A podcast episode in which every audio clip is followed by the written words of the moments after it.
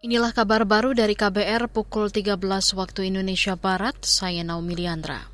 Kejaksaan Agung menyerahkan aset senilai triliunan rupiah sitaan kasus korupsi Jiwasraya kepada Kementerian BUMN.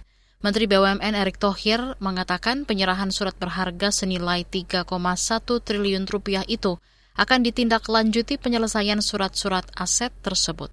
Tentu menyelesaikan surat-surat ya atau misalnya tentu eh, hasil daripada sitaan pajak Agung yang kemarin sudah bernilai surat berharga 3,1 triliun ya dan ini masih ada yang dalam proses tahun ini 1,4 triliun.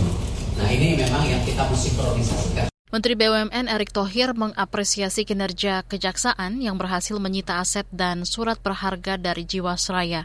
Sementara itu Jasa, Jaksa Agung ST Burhanuddin mengatakan pihaknya mendukung langkah bersih-bersih di BUMN dengan menyelesaikan aset-aset Jiwasraya.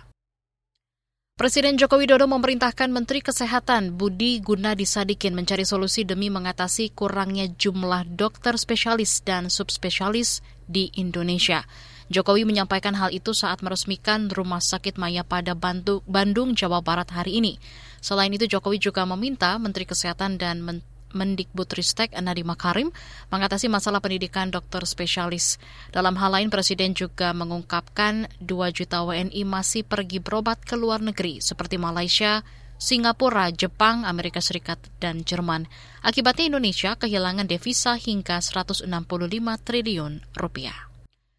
Saudara, obesitas atau kegemukan menjadi penyebab kematian tertinggi pada penyakit tidak menular di Indonesia. Dirjen Pencegahan dan Pengendalian Penyakit Kementerian Kesehatan Maxiren Rondonuwo mengatakan angka obesitas di tanah air terus meningkat dari 10,5 persen di tahun 2007 menjadi 21,8 persen tahun 2018 menurut kita ini yang paling penting mengatur terkait dengan uh, kandungan gula, garam dan lemak pada produk uh, makanan olahan maupun yang pangan siap saji. Dan kita di Indonesia Permenkes kita memang ada, tapi pengawasannya saya lapor ke pimpinan, nanti kita akan ada pertemuan dengan Badan POM. Kita harapkan ini setiap bulan implementasi daripada Permenkes ini. Pengawasannya ada di Badan POM. Dirjen Pencegahan dan Pengendalian Penyakit Kementerian Kesehatan, Maxiren Rondonuwu, juga memperkirakan prevalensi obesitas di dunia akan terus meningkat tahun 2030 dengan kasus terbanyak dialami perempuan.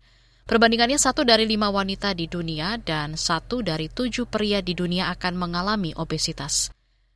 Hari obesitas diperingati setiap 4 Maret. Tujuannya untuk meningkatkan kesadaran dan kepedulian masyarakat global akan pentingnya mencegah dan mengobati obesitas.